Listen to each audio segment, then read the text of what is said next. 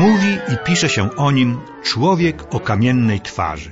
I wszyscy wiedzą, że chodzi o Bastera Keatona, jednego z największych komików nie tylko niemego kina.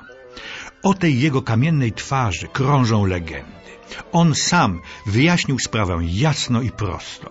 Już jako dziecko, a wtedy już grał na scenie, przekonałem się, że publiczność bawi się najlepiej, kiedy ja się nie śmieję, nawet nie uśmiecham. Koncentrowałem się na tym, co robią na scenie. Im poważniej się zachowywałem, tym bardziej rozśmieszało to widzów. Potem, przed kamerą, grałem tak samo. Kiedyś, dla żartu, postanowiłem uśmiechnąć się pod koniec filmu. Zostałem przez publiczność wygwizdany. Więcej eksperymentów już nie robiłem i nikt mi już nie proponował zmiany stylu gry. Buster Keaton urodził się w 1895 roku jako Joseph Frank Keaton. Buster wzięło się stąd, że kiedy w wieku sześciu miesięcy spadł z wysokich schodów i nic mu się nie stało, Hartley Houdini, przyjaciel domu Keatonów, zwracając się do ojca niemowlaka, wykrzyknął ale numer wyciął twój mały. That's some Buster your baby took. Rodzice Bastera byli aktorami music hallowymi, wodewilowymi. W 1900 roku po raz pierwszy wystąpili razem, jako troje kitonów. Buster grał niegrzecznego chłopca, który bawi się hałaśliwie piłką. Przeszedł wtedy trudną, ale znakomitą szkołę wszelkiego rodzaju akrobacji, co spowodowało, że w filmie prawie nigdy nie wyręczał się dublerami. Kariera filmowa Buster Keatona, i to oszałamiająca, rozpoczęła się w 1917 roku. Najlepsze, najsławniejsze jego filmy powstały w latach dwudziestych. Rozkosze gościnności, Sherlock Junior, tu gra kinooperatora, który pod wpływem oglądanych filmów sensacyjnych marzy o tym, by zostać detektywem. W marynarzu na dnie morza znajduje się wraz z dziewczyną na wielkim parostatku. Nie ma tu nikogo poza nimi, a oboje należą do tak zwanych wyższych sfer i o samodzielnym życiu i pracy nie mają zielonego pojęcia. Buster Keaton walczy w każdym filmie przede wszystkim ze złośliwością przedmiotów martwych oraz żywiołami, na przykład tajfunem. Najznakomitszym jego filmem jest Generał z 1926 roku.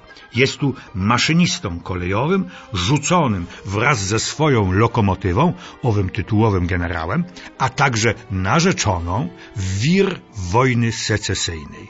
Żeby nie stracić lokomotywy i zachować dziewczynę, dokonuje bohaterskich czynów, na sposób komediowy oczywiście. Wprowadzenie dźwięku, ale przede wszystkim kłopoty osobiste, nieudane małżeństwa, alkoholizm, załamanie psychiczne, mizeria finansowa znaczyły zmierzch wielkiego komika o kamiennej twarzy. Jego renesans, i to wspaniały, nastąpił dopiero po II wojnie światowej.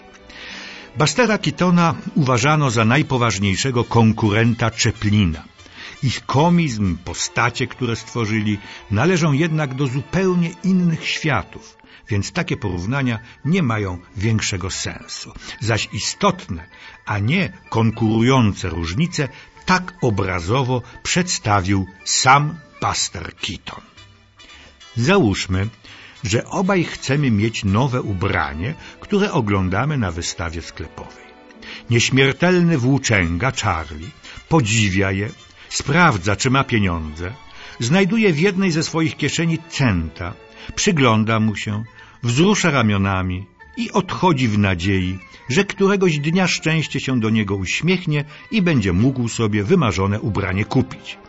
Jeśli nie znajdzie innego sposobu, gotów jest pieniądze albo ubranie ukraść, a gdy mu się to nie uda, po prostu o nim zapomni.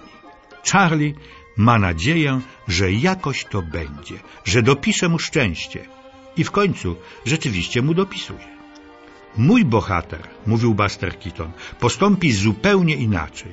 Zacznie się zastanawiać, jak mógłby zarobić potrzebne na ubranie pieniądze. Buster stawia czoło przeciwnościom, jakie by one nie były. Maszyny wszelkiego rodzaju stanowią dla niego wyzwanie.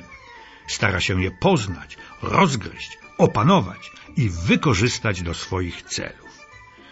Buster jest pomysłowy, inteligentny, uczciwy, choć jednocześnie, jak pisano, beznadziejnie smutny i samotny. W przeciwieństwie do czeplinowskiego Charliego, pogodnego, nie traktującego świata ze śmiertelną powagą, cieszącego się z drobnych sukcesów i nie martwiącego się specjalnie niepowodzeniami. Jak to ktoś powiedział, Buster jest realistą, a Charlie beztroskim poetą.